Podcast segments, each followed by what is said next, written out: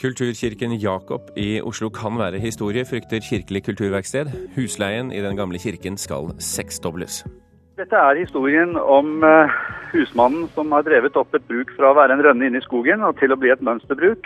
Og, og storbonden som eh, kommer og ser dette og som sier at aha, her er det blitt fint, nå må du betale mye mer til meg. Avisen Varden i Telemark har sikret seg nettadressen thadirekte.no for å hindre at Telemarksavisa, Thea, tar domenet i bruk. Et opplagt og bevisst spill, sier IKT Norge, som mener Varden bør rydde opp. Og Salgsinntektene for gatemagasiner har gått opp, men mange av selgerne tjener mindre fordi folk ikke tipser så mye etter prisøkningen. Og du hører på Kulturnytt med Birger Kolsrud Jåsund i studio. Konsert- og teaterscenen og kunstgalleriet Kulturkirken Jakob i Oslo trues med nedleggelse fordi Kirkelig, kultur, unnskyld, kirkelig fellesråd vil seksdoble husleien. Forhandlingene er nå brutt mellom Kirkelig kulturverksted, som driver kulturscenen, og Kirkevergen, som ønsker mer penger.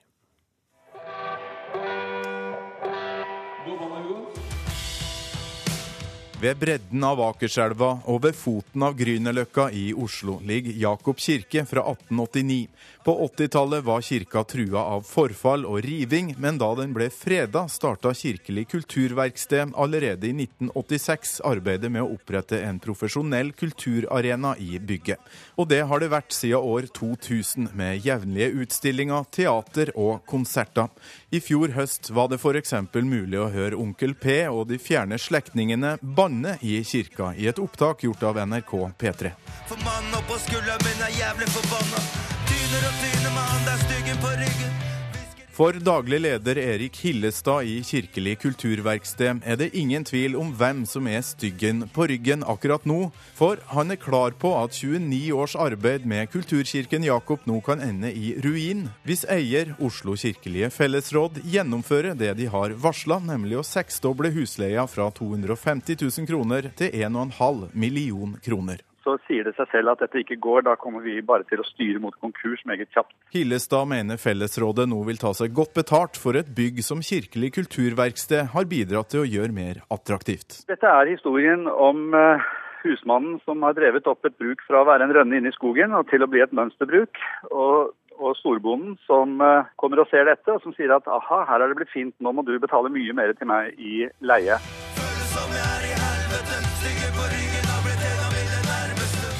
Musikk og kultur i kirka er nå Oslo kirkelige fellesråd ønsker videre, ifølge kirkeverget Robert Wright. Men det er en vedlikeholdsplan som vi har sendt over til dem. Der påløper det mellom en halv og en hel million i året. Jakob kirke trenger altså vedlikehold, og hvis ikke Kirkelig kulturverksted er med på spleiselaget, blir eneste løsning å sparke ansatte i Oslo-menighetene, ifølge Wright. Vi kan ikke ta de pengene som vi får fra kommunen til å drifte menighetene, til å drive Kirkelig kulturverksted. I en e-post skriver Kulturverkstedet at um, det er menn kirkevergen nå ønsker å innkassere gevinsten av det som er bygd bygga opp gjennom 15 år av bl.a. Kulturverkstedet. Hva tenker du om det?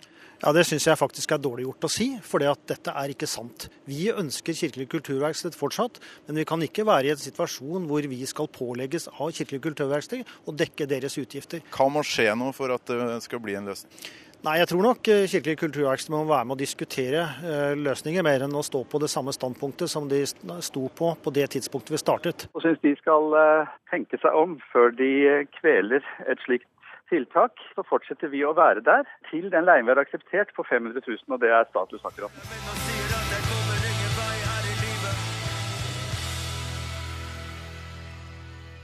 Før Onkel P og de fjerne slektningene rundet av, så hørte du Erik Hillestad i Kirkelig kulturverksted. Byråden for kultur og næring i Oslo var i går kveld ikke tilgjengelig for en kommentar om konflikten. Reporter her, det var eh, Torkil Thorsvik.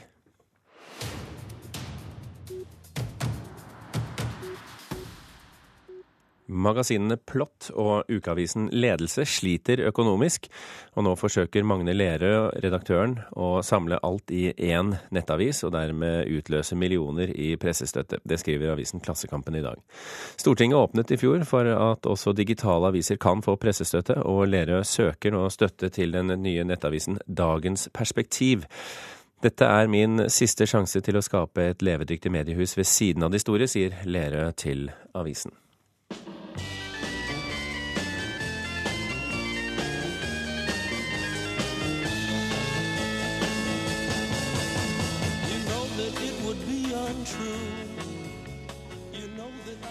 Debutalbumet til The Doors, med bl.a. Light My Fire, som du hører her, skal nå bli bevart av Kongressbiblioteket i Washington.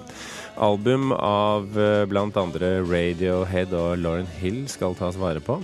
Til sammen 25 utgivelser er funnet av så stor historisk betydning at de blir tatt spesielt vare på av biblioteket. Og biblioteket mener f.eks. at The Doors eh, flyttet kunstneriske, seksuelle og psykologiske grenser i musikken Kongressbiblioteket tar også vare på Joan, John Baez debutplate og Radioheads album fra 1997, OK Computer. Avisen Varden følger ikke spillereglene på nettet, og Telemarksavisa bør vurdere å klage dem inn for Domeneklagenemnda. Det mener IKT Norge. Da Varden tidligere i år lanserte nettilbudet Varden Direkte, sikret de seg samtidig domenenavnet teadirekte.no, rett foran snuten på hovedkonkurrenten Telemarksavisa. Og ikke bare det, de sørget også for at alle som går inn på teadirekte.no, ble ledet rett inn på Vardens nettsider. Thea-redaktør Ove Meldingen ante ingenting før vår reporter satte ham på sporet. Inn på Thea? Nei, hvis du skriver theadirekte.no bare.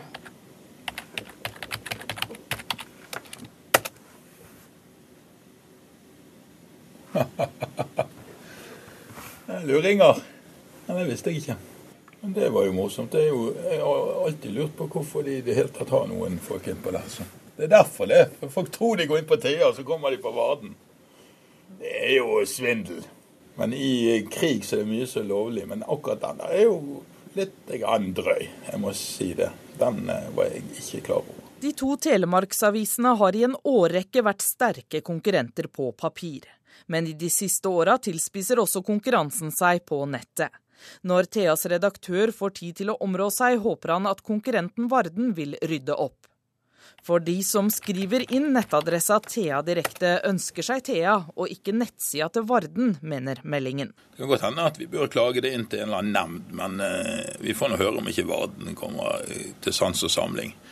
Det, det, det, er kjipt å tape, men det må jo være ekstra kjipt å tape med, med sånne ureine virkemidler. da. Direktør for internett og nye medier i interesseorganisasjonen IKT Norge, Torgeir Waterhouse, mener Varden og eierne deres, Agderposten, har gjort alt annet enn å følge spillereglene. Han mener Thea har en god sak om de velger å klage inn Varden til Domeneklagenemnda. Det er jo et, eh, et opplagt og bevisst eh, spill for å fremstå som noe annet. Og det er jo mest sannsynlig også i strid med regelverket for registrering av domener. fordi der skal man krysse av for å signere på, at, på tro og ære at man eh, ikke med viten og vilje registrerer domene som andre kan ha rettigheter til. Og når du er Varden, så er det veldig vanskelig å ikke vite om Thea. Dersom du var redaktør i Thea, hva ville du gjort da? Ville du meldt det inn? Jeg ville begynt med å ta kontakt med Varden og sagt at uh, dette kom skeivt ut. La oss sørge for at det lander fint, og, og la overføre domenet til oss og så blir vi ferdig med saken. Hvis ikke, hvis ikke, Varden vil følge opp det, så ville jeg ha valgt å, å klage det inn for domeneklagenemnda. Vi ønsker velkommen en diskusjon på det, men, men, vi har ikke gått over streken. I Varden vil ikke administrerende direktør Øyvind Klausen være med på at det er drøyt av dem å sikre seg domenenavnet. Det var da de selv på nyåret skulle i gang med et nytt nettilbud, Varden Direkte, at ideen dukka opp om å blokkere nettadressa theadirekte.no for andre brukere. Nei, det er ikke drøyt i det hele tatt, men vi ønska bare å være sikre på at vi fikk blokkert det navnet. For det hadde blitt altfor nærme mm, sånn som vi vurderte det i prosjektfasen, da, hvor det vårt eget eh, konsept. da. Eh, og vårt eget navn. Ehm, og Vi lever jo i en tøff konkurransesituasjon, så vi må beskytte våre interesser. og Dette er ikke eh, å gå over streken i det hele tatt. Det å booke et eh, domenenavn og kjøpe og selge domenenavn, det er dagligdagse ting. Det, men vi skal ikke være vanskelig. Hvis det er noen som vil kjøpe Thea direkte, så si ifra. Si ifra. Vi skal ikke være vanskelig på det, vi. Altså, det er bare å komme med et bud. Ja, Hvor mye er det du skal ha for det, da? Nei, det Forhandlingene tar jeg ikke på det direkten på NRK. Reporter i dette innslaget, det var Stine Hansen Bakkebø. Hans Marius Gråsvold, opphavsrettsadvokat og tidligere sittet i Domeneklagenemnda. Velkommen til Kulturnytt. Takk. Har Varden gått over streken her? Det er nok ganske friskt det å gjøre det som, eh, som Varden selv sier, å, blokkere eh, andres muligheter for å eh, konkurrere med dem i et fritt marked, for å si det sånn. Eh, og, så det jo, og, når, og når du sier at det er friskt, hva betyr det egentlig? Ja, det er jo et regelverk som selvfølgelig regulerer eh, adgangen til å registrere domener. og Der er det i stor grad fri konkurranse, men det er noen spilleregler som gjelder. og En av de reglene er relativt eh, klare og går ut på at du skal ikke registrere et navn for å, for å hindre andre i å, i å, utøve sine rettigheter. Så uten å forskuttere en eventuell kjennelse fra domeneklagenemnda, her er verden på tynn is? Det er nok noe nemnda hadde fått et interesse for, for å si det sånn. Redaktøren i Telemarksavisa sier det eh, i saken her, dog litt spøkefullt, sånn jeg tolker ham, at dette er svindel. Eh, er det det?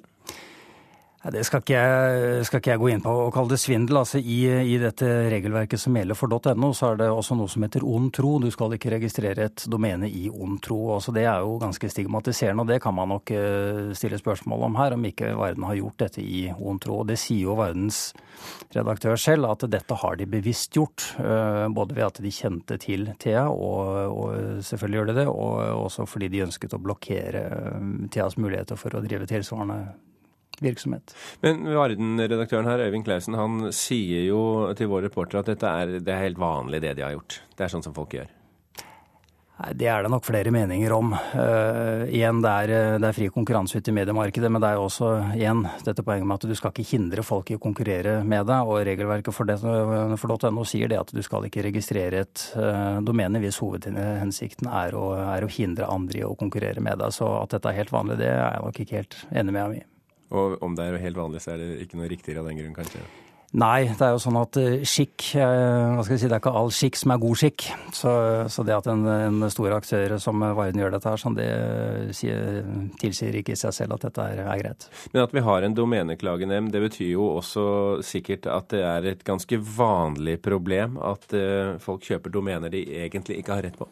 Ja da, det, det, er noe som skjer rett sånn der. og Domeneklagenemnda har jo eh, mange saker de gjennom et år, hvor eh, en del som klager på registreringer eh, ikke får gjennomslag, men en del gjør det også. Så dette her er noe som vi ser. Vi, vi ser det nok ikke så ofte mellom to såpass profilerte og, og også profesjonelle aktører som dette er, det vil jeg si. Men absolutt, dette skjer jevnlig gjennom årene. Men hvor er det vi ser det hen, da? Det varierer veldig, men eh, det er klart det er jo i, i næringslivet at, eh, at, vi ser dette her. Eh, ofte mellom næringsdrivende som, som snapper en god idé foran nesa på, på, andre. Det som også har vokst frem til å bli et, et problem nå det, i løpet av de siste par årene, det er at enkeltpersoner hamstrer store mengder domener for å selge dem videre. Hvor det er helt åpenbart at de domenene som de har registrert, ikke er noe som de har tenkt å bruke selv, men de har tenkt å, å bruke det for å selge det og tjene penger på det. Men er det forbudt? Eh, ja, derom strides de lærde akkurat nå. Det er eh, Jeg vil si at det nok er det. Eh, med tid og stunder så vil nok kanskje regelverket på dette området også bli enda litt klarere. sånn at dette her... Så advokat Grosvold sier at det er forbudt, bare lovverket har ikke kommet til det nå? Ja, vi, vi er i skjæringspunkt.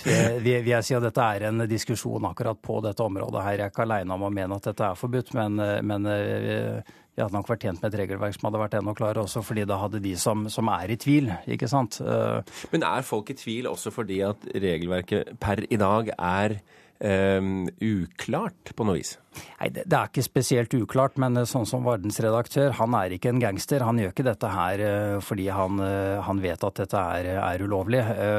Så, så, så, det kan hende at man, her tenker man at dette er lov. Man har ulike syn på hvordan det er å drive konkurranse i, i et marked. Eh, det jeg kanskje tror, er at regelverket ikke er godt nok kjent eh, for en del. Så, så her har man kanskje en jobb å gjøre med tanke på å, rett og slett å få, å få markedsført det bedre. Markedsføring for domeneklagenemnda, kanskje. Eller politikerne, da, som lager lovene. Eh, Marius Grosvold, tusen hjertelig takk for at du kom til Kulturnytt. Den har eh, snart passert 18 eh, minutter over åtte. Du hører på Kulturnytt, og dette er eh, toppsakene i Nyhetsmorgen. Lydopptak avslører dramatiske minutter før flystyrten i Alpene. En av flygerne hadde gått ut av førerkabinen og kom seg ikke inn igjen før flyet styrtet. Saudi-Arabia og en rekke andre arabiske land går til krig mot den sjiamuslimske Houthi-militsen i Jemen. Gjennomførte flere flyangrep i natt. Og 50 000 enslige minstepensjonister lever under EUs fattigdomsgrense. Pensjonistforbundet ber om et krafttak i neste statsbudsjett. Mange gatemagasinselgere tjener mindre penger nå, selv om inntektene til norske gatemagasiner gikk opp i fjor. Gatemagasinene er eh, talerør for sosialt utstøtte, fattige, rusmisbrukere og andre vanskeligstilte. Og det er de vanskeligstilte selv som selger magasinene, og beholder halvparten av inntektene. Men etter prisøkningen fra 50 til 100 kroner i fjor, så sitter selgerne igjen med mer per salg, men får ikke lenger tipset som fulgte salget. 100% prisøkning over natta, at det føles eh, som et sjokk. André har solgt Er Oslo i åtte år. Han skjønner godt at gatemagasinene satte opp prisen fra 50 til 100 kroner etter ti år med samme pris. Men den store prisøkningen har gjort det vanskeligere for selgerne, selv om de nå tjener 50 i stedet for 25 kroner per magasin. Det har gått uh, veldig mye utover uh, tipset vårt. Da. Før så var det gjerne sånn at uh, selv om det kosta 50 kroner, så fikk vi 100 kroner. men så, så, sånn er det ikke lenger. Tipset sitter mye lenger inne nå. Ja, det kan godt hende. Inne på kontorene til Er lik Oslo møter jeg ansvarlig redaktør Lars Årenes. Hei! Han skjønner at selgerne er misfornøyde med at de får mindre tips enn tidligere, men påpeker at dette var en nødvendig prisøkning som gir både magasinene og selgerne en mer stabil inntekt. Det har jo fungert. Inntektene til selgerne har jo gått opp. Men vi ser jo helt klart at tipsspørsmålet er jo alltid levende. Nå er det jo selvfølgelig frivillig for kjøper om de vil gi noen penger ekstra. og Det er jo mange som gjør også, og det vet jo selgerne. NRK har fått tilgang til opplagstall og inntjeningstall til magasinene i de fem største norske byene. Tallene viser at bladene nå tjener enten like mye eller mer enn de gjorde da de kostet mindre. Selv om det selges færre blader. I Sorgenfri i Trondheim sier ansvarlig redaktør Erlend Paksal at klagene kom mest i overgangsperioden. En viss skepsis i overgangsperioden, men eh, Alt i alt så tror jeg de fleste er fornøyd med det nå. Det er i hvert fall ikke noe vi har hørt noe mye om i det siste. Lenger nord, i Tromsø, har det vært langt mellom klagene, sier redaksjonssjef Alf Krogseth. Faktisk ikke. altså. Vi har, vi har jo noen superselgere her og de får tips rett som det. Vi fikk jo instruert selgerne oss til å fortelle kjøperne hvorfor det var gjort, og det møtte jo stor, stor forståelse for det. Men samtidig som selgerne i Tromsø klarer seg godt, har André ikke lenger mulighet til å kun leve av bladsalget. Jeg syns ikke det er en inntekt jeg kan eh, basere meg på lenger. Da. Tror du det er mange som føler det sånn? Ja, jeg har hørt det. Veldig mange av selgere sier at det er sånn. Erlik-redaktøren påpeker at de nå har en mer stabil inntekt både i bladet og for selgerne enn det de hadde da bladene var billigere. Vi visste jo at salget kom til å gå ned, men vi antok samtidig at eh, det var bedre for selgerne. Altså de tjente mer penger på salget enn før, og det var helt nødvendig for økonomien både her i huset og der. Og reporter i denne saken, det var Karoline Arnstøl Elgesem. Mer av den norske filmproduksjonen må ut av Oslo. Det kommer frem i den første filmmeldingen for Vestlandet som foreligger nå. Meldingen er laget eh, av de fire vestlandsfylkene, og Vestnorsk Filmsenter forventer nå en snuoperasjon. Vi har jo en forventning om at regionen skal styrkes. Fire fylker har gått sammen med filmbransjen om å lage den aller første filmmeldinga noensinne. Den er kalla Eventyrland, og er krystallklar på at mer av midlene og satsinga må ut av Oslo-gryta. Det er Vestlandsrådet som har bedt om rapporten. De mener norsk filmpolitikk er prega av sentralisering, særlig gjelder dette virkemiddel til langfilm og serier gjennom Norsk Filminstitutt. Leder for Vestnorsk Filmsenter, Stine Tvetten, mener de med rapporten også har god politisk tyngde. Det er viktig i forhold til å posisjonere seg. Eh, det er viktig å synliggjøre at vi er her, og ikke minst nå sett på bakgrunn av at det kommer en nasjonal filmmelding. Er det en skjev fordeling i Norge når det gjelder filmproduksjon, midler? Det er det. De fleste midlene går til østlandsområdet. Spesielt på spillefilmområdet, som har vært veldig sentralisert. Det bør det komme en endring på.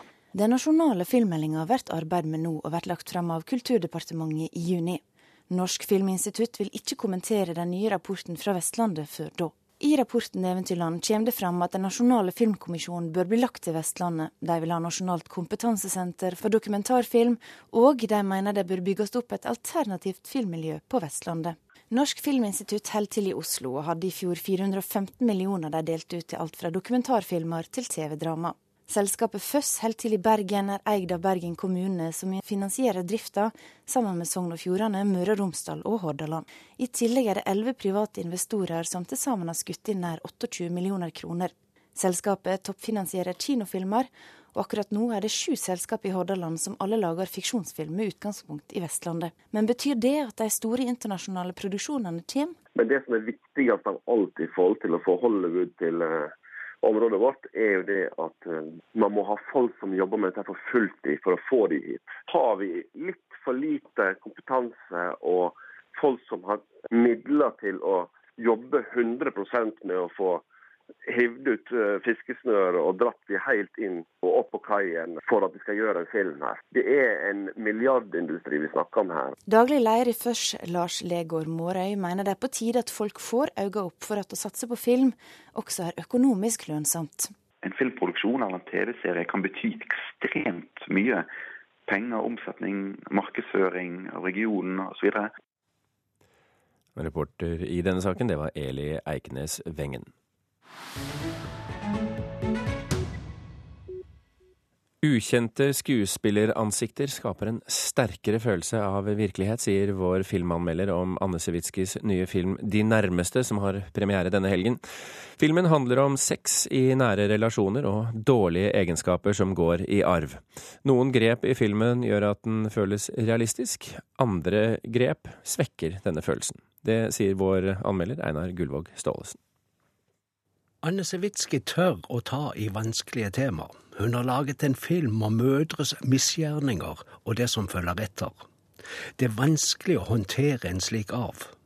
I De nærmeste skildres det av mennesker som vi ikke forbinder med mange andre rollefigurer, eller skuespilleres kjente egenskaper. Ine Marie Wilman, Simon Berger, Silje Storstein, Oskar Dukassi, Anna Dvorak, Hans Rønningen – de har ikke vært veldig synlige på kino, noen av dem. Veteranen Anneke von der Lippe er fint med i det spesielle ensemblet. De friske ansiktene gjør spillet ganske virkelig. En film som denne trenger et realistisk uttrykk. Den må i hvert fall ikke bli pyntet med noe. Hva er det for noe? Pappa!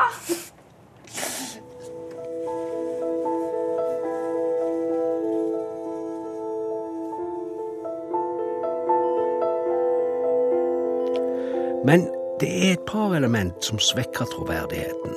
Musikken er ett. Filmkomponisten Ginge har laget mange melodiganger, og noen av dem er både gode og rent instrumentert. Men det er for mye. Musikken trenger seg på hver gang vi skal tenke oss om. Eller hver gang Charlotte skal tenke. Ah, du Om det er avsluttet og så puster Charlotte for mye, og hun sukker. Det er ikke skuespilleren Ine Marie Wilmanns skyld eller ansvar, det er lydmannens. Han må ha stukket mikrofonen for tett på. Og så er det lydmikserens. Og så er det regissør Anne Sewitskis ansvar, som ikke har hørt det før i filmens siste del. Der er pusten tonet ned.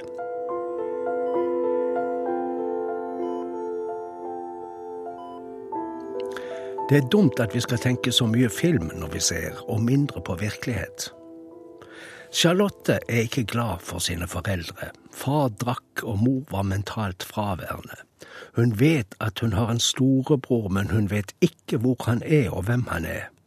I denne historien møtes de. Det møtet er veldig fascinerende arrangert i filmen. Det er rart, men troverdig. Ja, jag undrar lite. Jag förstår inte riktigt vad det är du driver med. Hva mener du? Hva jeg mener? Du var smög omkring utenfor mitt hus og kikade in. Vad vill du? Ingenting. Nej, om du ikke vill någonting så tycker jag att både du og din självupptagna jävla mor kan hålla deg borta. Fattar du det? De to som ikke har hatt noe forhold tidligere, får det nå. Mor stiller seg utenfor. Det spennende og dristige i denne beretningen er at vi ser hvordan fortid gjentar seg, og følelser floker det hele til. Arver man dårlige holdninger? Arver man karakter?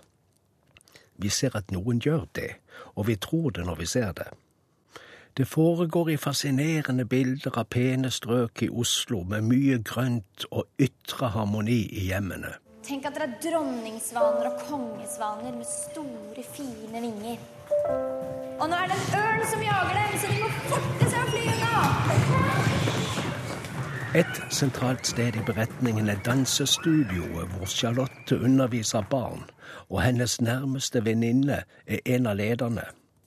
Tilstanden i deres forhold er den mest interessante konfliktlinjen i filmen sa Einar Gullvåg Staalesen. Kulturnytt er slutt. I dag har vi fortalt at Kulturkirken Jakob i Oslo kan være historie, men det frykter i hvert fall Kirkelig kulturverksted. Husleien i den gamle kirken skal nemlig seksdobles. Dette er historien om eh, husmannen som har drevet opp et bruk fra å være en rønne inne i skogen og til å bli et mønsterbruk. Og, og storbonden som eh, kommer og ser dette, og som sier at aha, her er det blitt fint, nå må du betale mye mer til meg sa Erik Hillestad til oss i dag. Sendingen i dag fikk du av Hilde Tosterud, Thomas Alvarstein Ove og Birgit Kolsrud Aasund.